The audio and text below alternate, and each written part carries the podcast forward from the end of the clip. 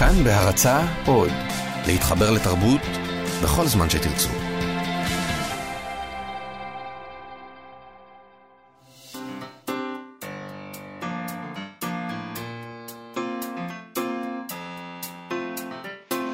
מה שכרוך עם יובל אביבי ומה יעשה לה. צהריים טובים, אתם מאזינים למה שכרוך, מגזין הספרות היומי של כאן תרבות. אה, תוכנית אחרונה שלנו לשבוע זה. מי היה אה, מאמין שזה יגיע כל כך מהר? אנחנו בין ראשון לרביעי, והנה יום רביעי. החיים חולפים על פנינו, אה, ביעף. אנחנו פה כמו כל יום בשעה 12, אפשר להאזין לנו ב-104.9 ו-105.3 FM, באתר האינטרנט או באפליקציה, והתוכניות עולות לעמוד הפודקאסטים והכל נהדר. איתנו באולפן אה, שניים אה, חב- חביבים עלינו שעושים איתנו את התוכנית, טל ברלינסקי והעורכת שלנו מיטל כהן. אה, שלום גם לך, יובל אביבי. שלום מאיה סלע, שלום לכם המאזינים. אנא, שילחו לנו הודעות 055-966-3992,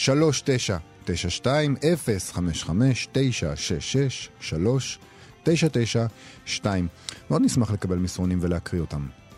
Uh, היום נדבר uh, עם המבקרת הרומנטית שלנו, רונה שפייזמן. היא הייתה בגלות בניו יורק הרחוקה, תקופה ארוכה, לא, לא הבאנו אותה לכאן, והרגשנו בחסרונה. אז uh, היא שבה בעוז. נדבר גם עם רחל פרץ, uh, שערכה את הגיליון ה-120 של כתב העת הליקון, והחליטה להקדישו למושג ה-נדפקנו. אני כבר מת לזה. נדפקנו בשירה. העברית. ויהיו עוד דברים, אבל אנחנו מתחילים עם נכון. אה, בשורה מצערת. אנחנו רוצים לציין אה, את פטירתה של המתרגמת והעיתונאית רות בונדי. היא נפטרה שלשום, אה, אתמול, סליחה, נכון? אתמול ביום שלישי, כן. בגיל 94. הלווייתה תיארך מחר, יום חמישי, באחת, בקיבוץ גבעת חיים איחוד. רות בונדי נולדה ב-1923 בפראג, צ'כוסלובקיה. ב-1942 גוש- גורשה לגטו טרזין, ובדצמבר 1943 לאושוויץ. היא שרדה את מחנה ההשמדה, ובהמשך שוחררה ממחנה ברגן בלזן. הוריה נרצחו שם, ורבים אחרים מבני משפחתה. אני חושבת שהיא ציינה מספר כזה של 25 אנשים. אה, היא עלתה לישראל ב-1948, עבדה במשך יותר מ-30 שנה בעיתונות. הייתה מתרגמת גדולה, שבזכותה הכרנו סופרים כמו קרל צ'אפק, ואצלב האוול, מילן קונדרה, ירוסלב האשק, החייל האמיץ שווייק ועוד רבים. והיא גם כתבה כמה ביוגרפיות, בהן השליח, חייו ומותו של אנסו סירני, שיבה, רופא לכל אדם, פליקס, פנחס רוזן וזמנו, ואדלשטיין נגד הזמן, על יעקב אדל, אדלשטיין, אה, ראש היודנראט בגטו טרזין. אה, כתבה מספר קבצי קטעים אוטוביוגרפיים בהם שברים שלמים ונחמות קטנות. אה, היא כלת פרס בוכמן לחקר השואה על תרגום מצ'כית אה, של אה, שירתתי את מלך אנגליה ואת בוהמיל הרבל. והיא כלת פרס סוקולוב לעיתונות וכלת פרס ראש הממשלה לסופרים עבריים. וספרים פרי עטה תורגמו לצ'כים וזוכים להצלחה. וב-2014 היא זכתה בפרס צ'ניחובסקי לתרגומי מופת על מפעל חייה בתרגום הספרות הצ'כית. נכון. אה, בשנת 2008, אתמול עשיתי ככה גוגל עליה קצת, אה, היא ענתה לשאלון במוסף ספרים של הארץ, אה, ועל השאלה אודות השורה האהובה עלייך, שאלו אותה על השורה האהובה עליה ביותר בספרים שבספרייה שלה, והיא ענתה, השורה, ניפגש בשש אחרי המלחמה, מתוך החייל האמיץ שווייק, שבה נפרדנו מחברים במסעותינו על פני ממלכת מחנות הריכוז, ולא נפגשנו עוד. ב-2014, בכתבה שעשתה איתה רונית ורד במוסף הארץ, אה, כתבה כך, רונית ורד תיארה כך: חלון סלון ביתה של רות בונדי, בקומה החמישית של בית דירות ברמת גן. אה, נשקפים בנייני העיר וצמרות עצים ירוקים. למרגלות החלון הגדול, המשתרע לאורכו ולרוחבו של הקיר, ניצב דרגש נמוך, עמוס בעשרות עציצים פורחים. ויתרתי על וילונות כדי שלעציצים שלי יהיה אור שמש, אומרת האישה דקת הגב, בת ה-91, ומוסיפה בארשת תמימה למראה. אם ייגמר הכסף, אני אתחיל לגדל מריחואנה. אני אהיה טובה בזה, יש לי אצבעות ירוקות. ראית את הסרט להציל את גרייס?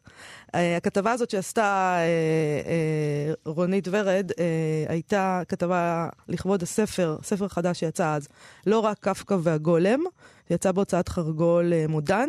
בונדי אמרה שבניגוד לכתיבה, הבישול אינו סובל הומור. והתכוונה לצורך בשיטתיות ובמידות מדויקות במטבח, כי אגב, זאת יש לדעת, אה, היא אה, כתבה גם ספר בישול, ספרי בישול, גם בספר הזה היא התעסקה גם בנושא הזה של בישול. אה, בעיקר בישול של, אתה יודע, מהבית, צ'כי, נגיד. אני, כמי שיש לה רבע צ'כי, בביוגרפיה, למרות שאני תמיד מייחצנת יותר את החלקים הרומנים שלי, זה מאוד. מעניין אותי. כן, כי הרומני תמיד אה, נתפס אה, כנחות, זאת אומרת, כשהייתי נערה לפחות, הרומני היה נחות. ואז אה, באיזשהו רגע לקחתי את זה ואמרתי, אם זה נחות, אז אני... את זה אני מייחצנת. אז את הרבע הצ'כי, כי הצ'כים נחשבים כמובן ליותר אציליים כאלה. כמובן. אז אותו אני פחות מייחצנת, אבל יש בי רבע מזה. אז זה החלק מדבר עלייך? הנכ- האצילי שבי, זה משם. החלק- החלקים הנחותים הם מרומניה. בכל אופן, הייתי רוצה להקריא משהו שכתב היום בפייסבוק יונתן נדב, uh, מו"ל הוצאת חרגול, ששם יצא הספר הזה של בונדי, לא רק קפקא והגולם, ב-2014, הוא כתב כך: רות בונדי איננה. כאחד החרגולים הייתי המו"ל האחרון שלה. שני תרגומים וספר אחד פרי עטה, לא רק קפקא והגולם. בקישור שבקצה הפוסט, דברים שאמרתי לכבודה בכנס של מגמת התרגום בבית בר לפני כחמש שנים, ומהם אני מביא כאן את הפסקה האחרונה. למה אנחנו מתרגמים בכלל? ובכן, בין שאר סיבות, אנו מתרגמים כדי להתוודע לתרבות אחרת, זרה. וכעת, ממשיך הטיעון, אם אנחנו רוצים להביא תרבות זרה, מוטב שלא נתרגם כאילו זה נכתב בעברית, ובוודאי שלא נתרגם מילולית. זה אסור מדאורייתא ומדרבנן, גם יחד. אלא נמצא את שביל הזהב שייתן עברית נאה, שגם מתאימה אותנו מטעמה חמקמק והנסתר של שפת המקור. שכידוע, השפה היא אולי הייצוג הבולט ביותר של התרבות. על כל זה הרי שמעתם. ויש גם מתרגמות ומתרגמים שבאמת יודעים לעשות את זה. רות בונדי היא מראשיהם. וכשאנו קוראים את תרגומיה, אנו נוכחים לדעת שהיא לא רק מתרגמת, סליחה, אלא היא גם מוזיקאית גדולה. מפני שאומנם היא יודעת לתת לכל סופרת וסופר את הקול המיוחד שלו, ואף אחד מהם לא נשמע כמו האחר אצלה, אבל בבסיס, ברובד עמוק, מתחת לפ... לפני השטח, מתנגנת לה איזו מנגינה כמעט סמויה לגמרי, ובכל זאת נוכחת, שרות בונדי לא רק הלחינה, אלא היא גם היחידה שמיטיבה לנגן אותה, והמנגינה הזו, הלחן הזה, שיש בו חמימות וחוכמה וחן, והומור דק מן הדק, הוא בשבילנו התרבות הצ'כית והספרות הצ'כית. וכשהלחן הזה מזדמזם בראשנו, מיד הוא מציף אותנו באסוציאציות ובריחות ובצבעים שלא שיערנו את קיומם כלל, ואנחנו מתגעגעים אליהם ברגע שחווינו אותם. ועל כן, מה שנותר לי לומר לכם, מתרגמות ומתרגמים, הוא זה. לימדו מרות בונדי. יפה יפה מאוד. הוא כתב. שנקריא עוד משהו שכתבו עליה? כן.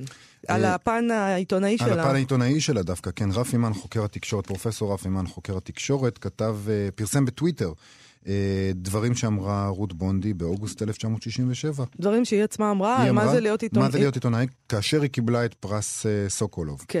אז היא כותבת כך, היא אומרת כך, אם תשאלו אותי מה לפי ניסיוני התכונה הקובעת בדרכו של מי שבחר בעיתונות במקום בחופש, ולא חשוב אם מדובר בעיתונאי או עיתונאית, הייתי אומרת, הכוח להחזיק מעמד. בעיתונות, כמו בחיים, רק 50 השנה, השנים הראשונות קשות, אחר כך מתרגלים. גם הכותבים, גם הקוראים, ואפילו הנייר. ההישג העיתונאי הגדול איננו לכתוב יפה, אלא לכתוב בכלל, יום אחרי יום, שבוע אחרי שבוע, חודש אחרי חודש, בחמסין ובגשם, אם יש מצב רוח ואם אין, עם כאבי ראש ובלי חשק, מארג אלפי מילים כל שנה. מי שרוצה להיות עיתונאי, חייב לאהוב מילים כאילו היו מעשים היוצאים לדרך. פנטסטי. זה זה מאוד נכון. אולי זה נכון לא גם על יודעת אם- ספרות?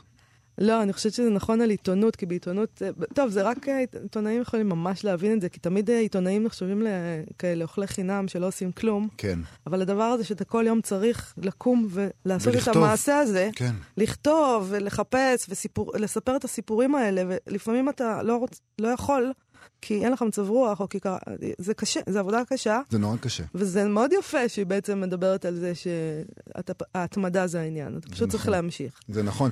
וגם הקטע הזה של להתעסק במילים, זה מאוד קשה אולי לאנשים להבין את זה, אבל להתעסק במילים זה מתיש. באיזשהו שלב נגמרות לך האותיות. אתה לא יכול יותר להסתכל על טקסט, לא, בטח שלא לכתוב, לא לקרוא, אתה כבר לא יכול יותר, אתה אלפי מילים ביום. והכוח הזה באמת, אבל בגלל זה אולי אני חושב שזה כן קשור גם לספרות. אולי, לא יודעת. אה, נכון? אני רוצה להגיד אה, שאני נתקלתי לראשונה בשמה אה, של רות בונדי כשהייתי נערה.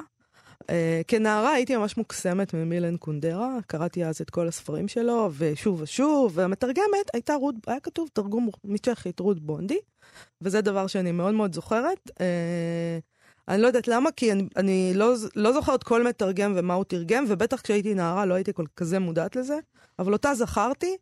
אה, יכול להיות שזה בגלל שספרים שאתה קורא בנעוריך, בכל אופן, עבורי זה כך, הם הספרים בעצם הכי חשוב, שהשפיעו עליך והסעירו אותך. אבל ו- אני לא ידעתי, למרות שהשפיעו עליי, לא ידעתי מי המתרגמים. אה, תשמע, גם אני לא ידעתי מה המתרגמים של הרבה מהספרים שקראתי.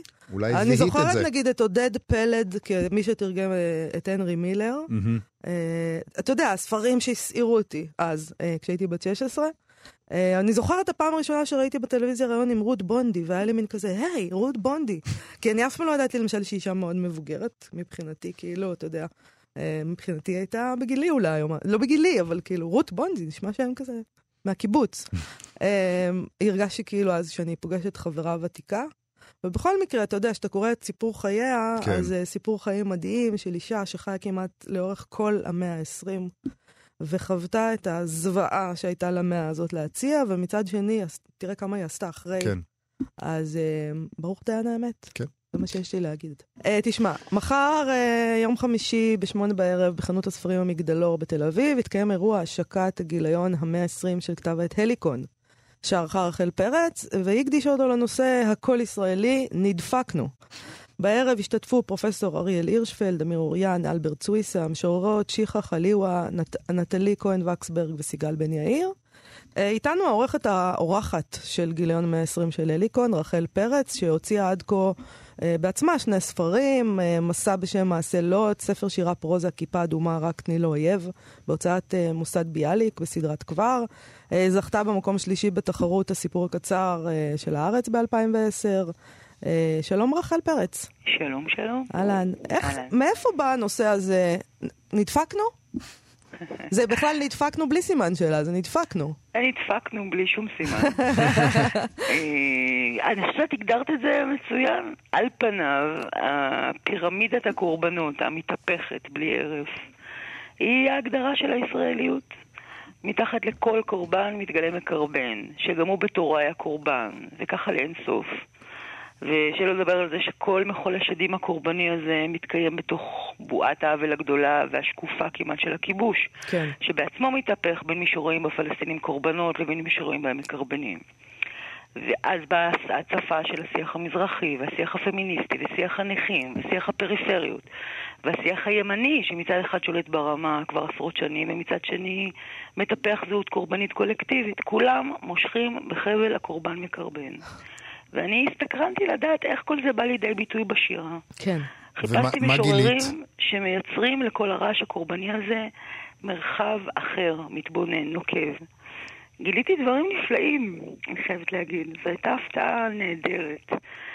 גיליתי מצד אחד את הקול שאני מכירה היטב ומעריכה מאוד של נטלי כהן וקסברג. מהמם. אה, שהיא מדברת, אה, שמה את פירמידת הקורבנות בצורה הכי בוטה והכי חד משמעית. ופורסת אותה, מותחת אותה לכל הכיוונים. היא עושה דברים שאני חושבת שאף משורר לא עושה. מצד שני, יורם קופרמינץ, שמביא קול חתרני מאוד, עמוק מאוד, שככה מחרחר את הקורבניות בשורש העמוק עמוק שלה. יש משוררים... אה, שאני כמו- רוצה להגיד לגבי שניהם, אגב, אה, כן. שהם בעצם אה, לא משוררים במקור שלהם, זאת אומרת, הם שניהם, הם אומנים, נכון? זה מאוד מעניין הדבר הזה. קודם כל, השאלה, היום, את יודעת, השאלה הזאת היא כמעט... היא, היא פתוחה לגמרי, כולם עושים הכל, לא, אין לי, אין לי. ביקורת על זה שהם, אתה יודע, אני לא קובעת להם מה הם, אבל זה דווקא הדבר הזה שהם באים מהאומנות. נכון. כי גם, יש כי גם, לזה-. גם מה- אומנים יש הם. קורבנות. לא. קודם כל, תראי, יש יורם, להם עיניים אחרות. יורם קופרמינץ, פניתי אל ה... אל ה- אל ה- חלק גדול מהמשוררים פניתי בעצמי. מהמם. אחרים פשוט ענו לקול קורא, ומהם ככה בדקתי. אבל ליורם ולנטלי ולעוד שורה של אנשים פניתי, משום שידעתי המרחב השירי בעבודה שלהם הוא חזק. כן. אה, והסתבר, התברר ששניהם כותבים שירה פרופר. זאת אומרת, הם משתמשים בה לעוד דברים, אבל אצל יורם יש מגירות של שירים שהם מעולם לא ראו אור. שירים מדהימים, אני חייבת לומר. ונטלי כותבת שירה. היא כותבת שירה ומשתמשת בה כמו ש... משתמשת בה כמו פטיש מהקילו. כן. אה, ו- ו- ויש עוד רבים אה, אחרים. אני חושבת שמה שהתברר הוא שלפחות מהככה חתך המאוד מאוד מסוים שאני ככה פרסתי בחוברת, שהשאלת הקורבנות היא קודם כל עמוקה במובן באמת של, של הזהות ה, הזו שכמעט בתוכה יוצרים, לא עליה מדברים. כן. אה, וכן, אנשים, משוררים, יצרו שירים שהם או אירוניים מאוד לגבי העמדה הזאת, או כואבים אותה בכל הלב, או אה, מתבוננים בה אה, מרחוק, התבוננות שירית. אה, מיליון מיליון סוגים. אבל ואז... העניין הזה של הקורבניות הוא שונה קצת מה, מההכרזה הזאת נדפקנו. כי, uh, כי להיות קורבן, וזה לא לגמרי אותו דבר כמו לצרוח, נדפקנו. וזה עולה בצורה מאוד מעניינת באחד משני מאמרים שכללת uh, בגיליון. Uh, פרופסור uh, אריאל הירשפלד, אולי אני אקריא פסקה קטנה? בבקשה. אפילו לא פסקה, הוא מדבר על השיר ביג של uh, רועי חסן. נכון. והוא אומר, גם בשירים המוקדמים הפנייה של אה, רועי חסן לרטוריקה של נדפקנו לא הייתה תמימה, הייתה בה מודעות עזה להיותה רטוריקה ולהיותה שחוקה ונטועה עמוק בתוך שיח הזהויות הישראלי הקונבנציונלי ומתוך המודעות הזאת אה, צמח ניסיון להפעילה מחדש, אחרת, כאילו בפעם הזאת, בפעם הזאת, היא תבקיע את מחסום היבבה הנרק... הנרקיסית. ואז הוא אומר שהשיר ביג נמצא בספירה אחרת לגמרי, הוא מתבונן בצועק, זה, זה דמות בתוך השיר שצועק נדפקתי ברגשות מעורבים, ו, ויש פה הסתכלות מאוד מאוד מורכבת על מה זו הצעקה הזאת נדפקנו, ואני חושב שזה לא מקרה שהוא מדבר ספציפית על רועי חסן, כי אמ, היחס, יש, יש איזו תגובה כמעט אוטומטית לשירה של אה, ארס פואטיקה, ש, שאפשר לבטל אותם, כי אומרים להם רק צעקתם נדפקנו, נדפקנו, דפקו אתכם, דפקו אתכם, ואז אפשר לא להתייחס אליהם בכלל. כן. אז ההבדל הזה הוא, הוא מהותי.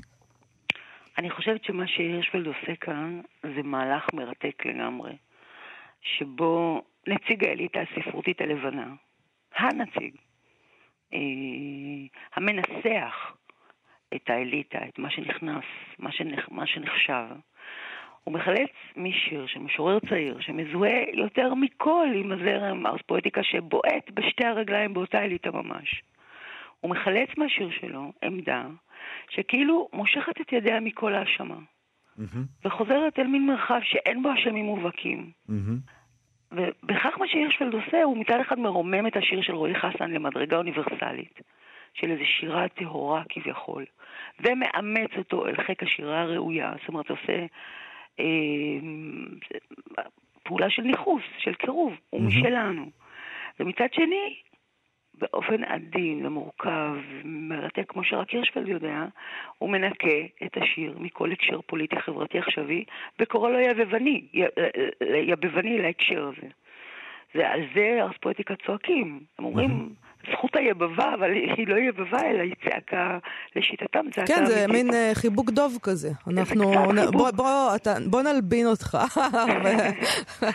אבל הצד השלישי הוא שהוא שומט את הקרקע מתחת לכל אלה שרוצים לא להתייחס אליהם בטענה שהם קורבנות uh, תמידיים כאלה, שעמדת הקורבן כל כך נוחה להם. וזה באמת uh, מה שאת אמרת בתחילת השיחה, שכולנו משחקים על הקלף הזה של הקורבנות, רק לא מוכנים שגם אחרים יעשו את זה. אני חושבת ש... אני חושבת ש... בוא, בוא נקרא לילד בשמו. קודם כל, כולם מרגישים קורבנות.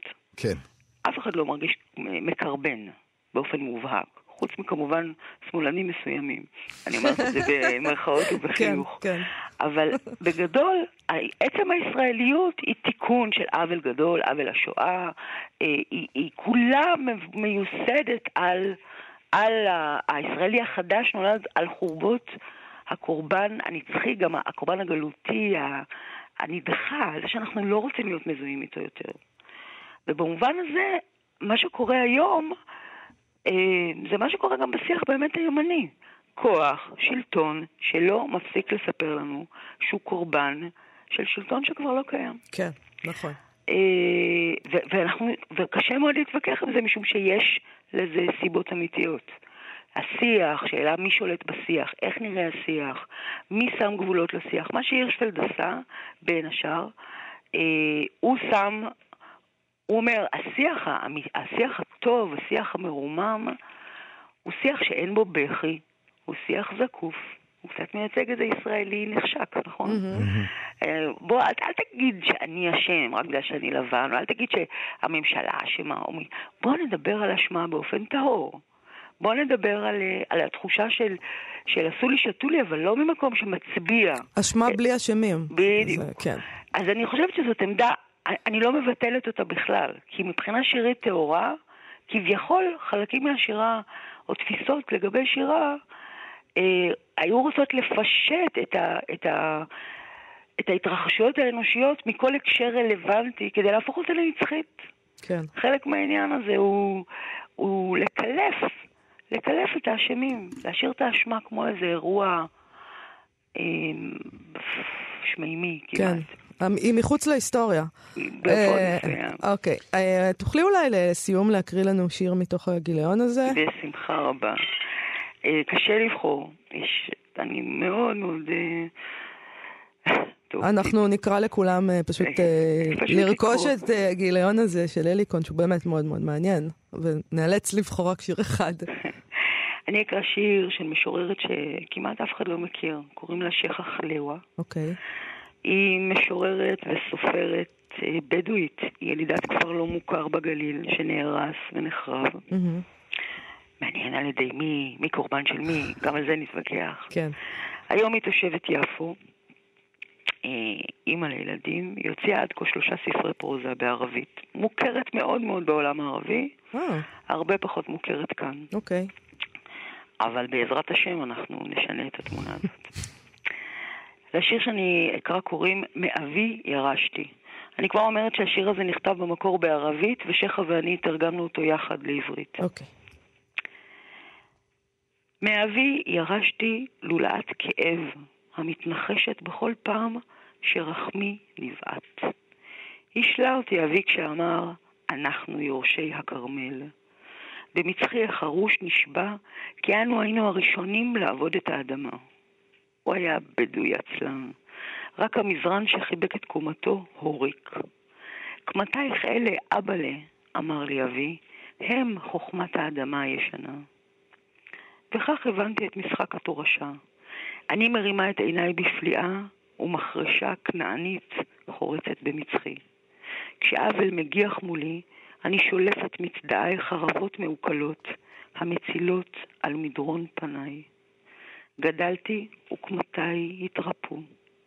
היום אני מנופפת באצבעי האמצעית, אורכה בא לי בירושה, כחרב נגד עוול, וברגלי השמאלית אני בועטת בשאריות הפליאה. אך בכל פעם שפי חרב, ילדה רעה חוזרת לעבוד את מצחי במחרשת אבי העצלן. נהדר. יפה מאוד. נהדר. תודה רבה לך, רחל נזכיר, פרץ, זה היה מחר נהדר. ביום חמישי, בשמונה בערב, בחנות הספרים המגדלור שבתל אביב, אירוע השקת הגיליון המאה ה-20 של כתב העת הליקון בעריכתך, רחל פרץ, תחת הכותרת נדפקנו. נדפקנו. בואו. טוב, תודה רבה לך. להתראות. ביי ביי. ביי. חזרנו, ואיתנו אחרי הפסקה ארוכה מדי, המבקרת הרומנטית שלנו, רונה שפייזמן, התגעגענו אלייך מאוד, רונה, מה גם אני שלומך? התגעגעתי, אני בסדר גמור, מה שלומכם? אל תגידי סתם, את היית בניו יורק, לא התגעגעת. נכון. ידעתי. למה את הורסת לי, מאיה? סליחה. יובל לא. בכל זאת, אה, כן, נכון, יש לה פרצוף עכשיו מאוד מאוכזב, את צריכה לראות אותו. שמה עשיתי? סליחה, לא הבנתי. האמנת, היא אמרה שהאמנת לה. אני עדיין, אני- מה- הסיפור הוא בתוכי, אני עדיין מאמין. רונה, מה קראת, והאם קראת את זה ב- בסנטרל פארק? לא, קראתי את זה כאן ב central תל אביב. אוקיי. אה, את אה, הספר של ברידג'ט ג'ונס, הדור הבא, אוקיי. של אה, הלן פילדינג, אה, בהוצאת מודן. זה אותה זה- סופרת עדיין, נכון? זה לא כאילו שעשו חילופים ועכשיו מישהי אחרת כותבת בהשראתה כמו שעושים לפעמים. לא, לא, זו אותה סופרת. היא עוד לא מתה, יובל. היא לא מתה, היא פשוט, אנחנו נדבר על זה, היא קרה לה משהו בדרך. ממ. אבל זה, כן, זה תכף.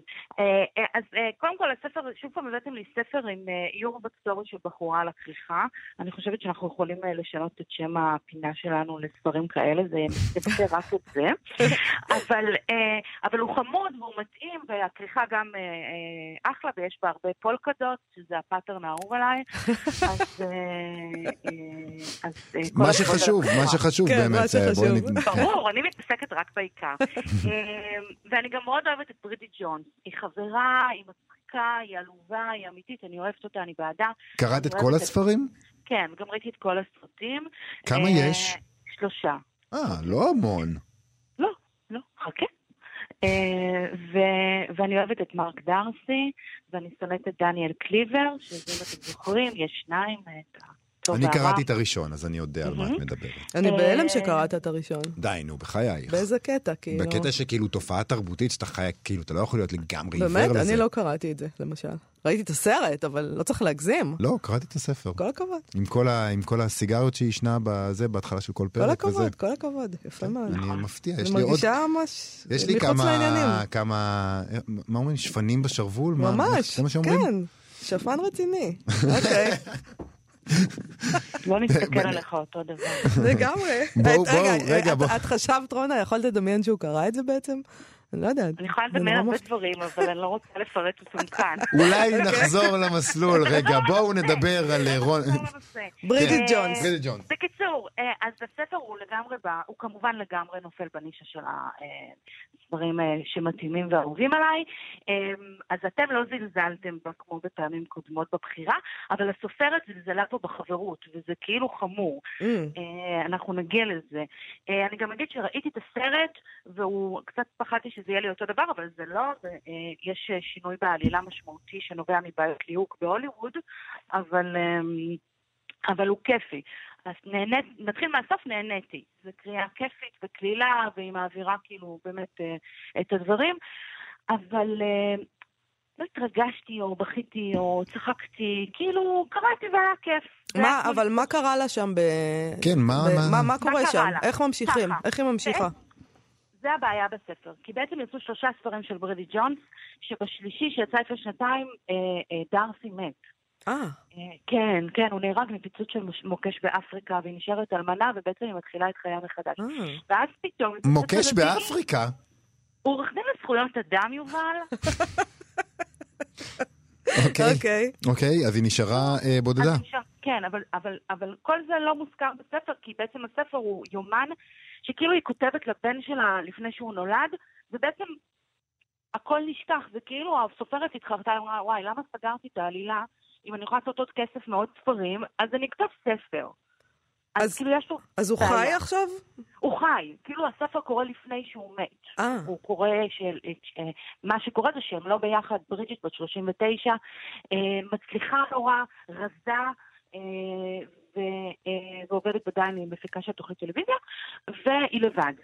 ובעצם היא פוגשת בהפרש של שבועיים גם את דארסי וגם את קליבר, שוכבת עם שניהם, נכנסת להיריון, והיא לא יודעת של מי הילד. Mm. וכל הספר מתעסק בזה שהיא לא יודעת של מי הילד. אני מצטער, אני לא. מבין, היא רזה ומצליחה, כן. לפני שהיא פגשה אותם, שזה לא מה שקרה בספר הראשון, כי שם כשהיא פוגשת אותם היא לא רזה ולא לא, מצליחה. לא, לא. הספר הזה הוא כאילו, היא כבר הייתה עם דארסי, היא כבר הייתה מאורסת לו, הם נפרדו, עברו כמה שנים, בת 39. ואז היא פוגשת אותם שוב. כן, במקרה, פעם אחת. אה, אוקיי, אני פשוט מבין. מאוד לאט אה, דברים כאלה. כן, היא פוגשת אותם בעיר כזה, אוקיי, באירועים. הבנתי. אמ, שוכבת עם שניהם, היא לא יודעת של מי הילד. אבל אנחנו יודעים, וכל הספר מתעסק בזה שכאילו היא לא יודעת של מי הילד ומה יהיה ומה יהיה. אנחנו יודעים כי קראנו את הספר הקודם, שבו אנחנו יודעים שהילדים הם של דארסי והוא מת, אז כאילו... טוב, זה. נשמע ממש משונה, כל העניין. כן, זה ממש משונה. ממש משונה זה understatement, זה נשמע נורא. זה זלזול בח- בחברות שפיתחנו עם הדמויות. ממש, זה. כאילו נורא ואיום. כן. רגע, ומה קורה בסוף, כאילו? לא, אל תראה, מה זה מה קורה אה, בסוף? לא, לא, אולי לא אנשים מכירה רוצים לקרוא את. זה. מה איתך? גם אני ממליצה לקרוא את זה. דרך אגב, למי שאוהב את הסגנון וכאילו לא ממש קשור לדמויות בצורה קצת קיצונית, כמו חלק מהאנשים שמשתתפים בשיחה עכשיו, אז אני מציעה שכן לקרוא, זה כיף. אה, בעצם, היא מבינה כל מיני דברים על עצמה, הרי אה, גם בכל הספרים הקודמים זה נורא מתעסק בקטע הגבולי של הספרים של העצמה הנשית, המסרים שמנסים להעביר אה, לנשים בכל הדברים האלה, והיא מתעסקת בזה גם בספר השני וגם פה. אה, ובעצם היא אומרת שאישה לא אמורה להרגיש כאילו טוב או רע או יפה או זקנה רק בגלל מה שהגבר אומר, שזו תובנה נהדרת להגיע אליה בגיל 39. נכון. אה, אבל אחרי, איך שהיא מגיעה לתובנה הזאת, היא הולכת אה, לשכב עם הדפוק רגשית, אז כאילו לא ברור. אה, ובעצם מה שקורה בסוף, והמסר של הספר שהוא יפה בעיניי, זה שכאילו היא כל הזמן חושבת מה לא בסדר בה, ומה היא עושה לא נכון, וכמה היא תפוקה, ובעצם היא לא חושבת לרגע על, ה, על הבחור שעומד מולה, והוא בא, ומה החולשות שלו. והיא שוכחת שגם דארסי הוא היה פעם נער מחוצ'קן, וגם הוא בסוף רק רוצה שאבא שלו יאהב אותו ויעריך אותו ויהיה גאה בו. ו- ובעצם הוא רק רוצה שהיא תעמוד מולו ותגיד לו שהיא אוהבת אותו כמו שהוא. שזה בעצם הרצון המשותף גם של הגבר וגם של האישה במערכת היחסים. זה הדרך שלך. לשכנע אותנו לקרוא את זה, אני מבין.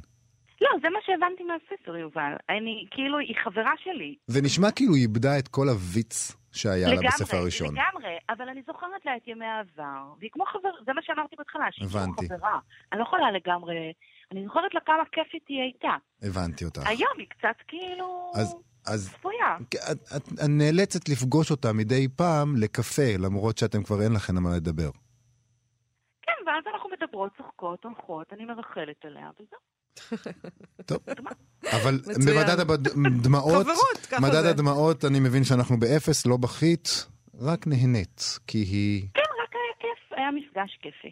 הבנתי, טוב, זה באמת המלצה נלהבת מזאת לא שמעתי כבר הרבה זמן. מה אני נז- אעשה? נזכיר, זה ברידי ג'ונס, אה, הדור הבא, שיצא בהוצאת מודן. מודן. נפלא. תודה רבה לך, רונה שפייזמן, אנחנו מחכים בקוצר רוח לספר הבא שלך. תודה, להתראות. להתראות. ביי. ביי ביי.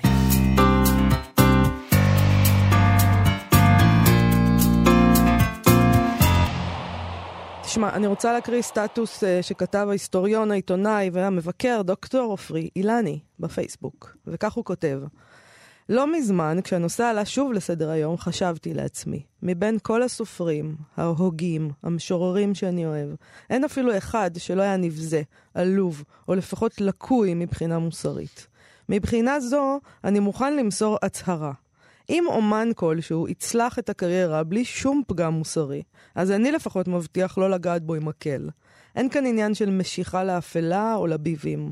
אני לא מחפש בהכרח גנבים או רוצחים. הבעיה שלי היא עם, העמדה ההפוכה, שבנויה על הערצת דמויות מופת. אני באמת לא מבין, או לא יכול לשאת, את החיפוש אחרי הזדהות עם איזו דמות ראויה להערצה, ועוד גרוע מכך, להערכה. כי כל כך ברור שהאנשים האלה פשוט ארגנו את הביוגרפיה שלהם בצורת סיפור מופתי בנאלי לחלוטין. האקדמיה, למשל, מלאה באנשים שמוצאים לעצמם איזה מושא מחקר נאצל, ואז כותבים עליו בהזדהות מוחלטת, או מקסימום מטבלים פה ושם בהערות אמהיות על פגמים אנושיים. זוועה! כל הביוגרפיות על משה מנדלסון, למשל, אדם שמצטייר מהרגע הראשון כחלאה מוסווית היטב. לשמחתי, לפני כמה שנים קראתי מאמר שהוכיח שמנדלסון היה למעשה פיננסייר קר רוח, ואולי גם סוחר נשק בשירות בית המלוכה הפרוסי. ודווקא אז הייתי מסוגל להתחיל לחבב אותו. וכך גם, גם מגנוס הירשפלד, אותו מייסד ליברל סוציאליסט של התנועה לזכויות ההומוסקסואלים.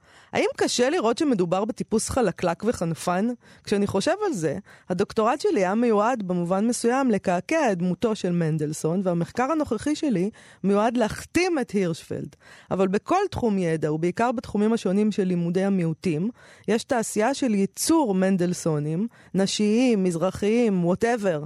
פגשתי חוקר צעיר ומבריק שכותב דוקטורט על איזה רב שפיתח שיטה לגרות את עצמו באמצעות לבני איטונג, כדי שלא יצטרך לחפצן אף יצור אנושי, אפילו לא במחשבה. ואת כל זה הוא עשה בגטו לובלין. באמת, סיפור מופלא. מה אתם עושים בלילה? הולכים לישון ומניחים את ראשכם על הכרית הנינוחה, רואים למול עיניכם את פניו המאירות של מושא המחקר הנאלח שלכם, שמסווה חיוך, הצלחתי לעבוד עליכם. והכל התחיל, מתחיל מהערצה לשתי הדמויות העלובות האלה, אורוול וקאמי. אורוול, האינטלקטואל היחיד שידע להחליף נתיך. וקמי, האינטלקטואל שאהב את אימא שלו. אין לי בכלל מילים לומר כמה אני שונא את שניהם, כמה נזק הם גרמו, או יותר נכון, אין ספור הביוגרפים והמונוגרפים שהשתרכו אחריהם. צריך פעם לכתוב ביוגרפיה של ביוגרף נבזי של אורוול. זה יהיה מעניין. ושוב, רק לצורך הבהרה, אני לא משתוקק לנאצים או אנסי תינוקות. כתבתי את הדוקטורט על פוץ אקדמי מגטינגן, שרמס את הסטודנטים שלו וכתב ספרים משעממים. כן? אפילו להיות סתם אפס עדיף על להיות ללא רבב. טוב, אה, להגיד בימים אלה שלהיות ללא רבב זה משעמם זאת עמדה כמובן מתריסה וגם בעייתית, כאילו, כי אנחנו יודעים שזה מכוון לכל מיני אנשים, שפ... גברים, שגם מהם נחשפים עכשיו למול הגאוניות שלהם כיוצרים. אבל אני אקח מהסטטוס הזה אה, את העובדה שהאצבע המאשימה המרכזית כאן היא מול חוקרים שמזכים את היוצרים וטוענים שהם ללא רבב במקום לכתוב את האמת. וכמובן שאין בין היוצרים מישהו שהוא ללא רבב באמת, כולל אורוול וקאמי, שאני אישית דווקא אוהב, אני לא יודע מה הבעיה שלי. למה אתה מתנצל על זה אבל? שאני אוהב אותם? כן. כי כאילו עכשיו אני צריך לא לאהוב אותם כי הם ללא רבב? אני לא יודע. אה, אני משוכנע אבל שמי שירצה יגלה גם אליהם לכלוך. מה לעשות, אה, בני אדם, לא המצאה מי יודע מה. אני דווקא חושבת שבני אדם הם המצאה נהדרת, והם המצאה נהדרת דווקא בגלל המורכבות שלהם. Uh, בעיניי העמדה של פרילני היא לא בעייתית, והיא מתריסה אולי עבור אנשים שהם טהרנים, ואז הם רואים אותה כעמדה מתריסה. uh, אתה אומר שבין היוצרים אין מישהו שהוא ללא רבב, uh, אז בוא אני אגיד לך משהו בסוד. כן. ולמאזינים. כן. אין בין בני האדם, נשים וגברים, כן, גם נשים, מישהו שהוא ללא רבב. אין דבר כזה. אפילו אתה, יובל. אני האחרון. יש לך מעט פגמים, אבל פה ושם, ככה אני רואה. יש לי רבבים, אה, רבבים ללא סוף. השאיפה להיות ללא רבב היא נלעגת, וההצגה הזאת של ללא רבב היא נלעגת. עם ו- זה אני מסכים לחלוטין. טוב, אה, אנחנו לקראת סיום, וכרגיל ביום רביעי אנחנו מסיימים כמה המלצות. יש לנו המלצות לשני אירועים היום. אה, נתחיל באירוע שיתקיים מחר בבית ביאליק, ערב מיוחד בשיתוף המכון הפולני בישראל, לכבוד המשורר הפולני אדם זגייבסקי. וצאת הספר אסימטריה, מבחר שירים 1972 עד 2016, שתרגם דוד ויינפלד, והספר יוצא בהוצאת אבן חושן. האירוע הזה אה, יתקיים במעמד שגריר פולין בישראל, מר יאצק חודורוביץ'. נהדר. אה, ידברו על שירת זגייבסקי, דוד ויינפלד, ניסים קלדרון, עוזי אגסי, אגי משעול ורוני סומק, אבל הדבר הבאמת מיוחד שיקרה שם, זאת שיחת וידאו חיה מקרקוב עם המשורר עצמו, שיקריא שירים ויענה לשאלות הקהל, וזה נשמע לי כבר ממש ממש דבר מגניב. מעניין. כן. אה, זה נהיה כזה... שימוש נהדר בטכנולוגיה. נכון, זה נהיה כזה מין טרנד עכשיו לעשות את זה גוגל או סקייפ כזה, ש... באמת? אני פעם ראשונה שאני שומעת על אירוע לא, כזה. לא, אני כבר שמעתי על כמה כאלה, זה נורא נורא מגניב, זה נורא נחמד.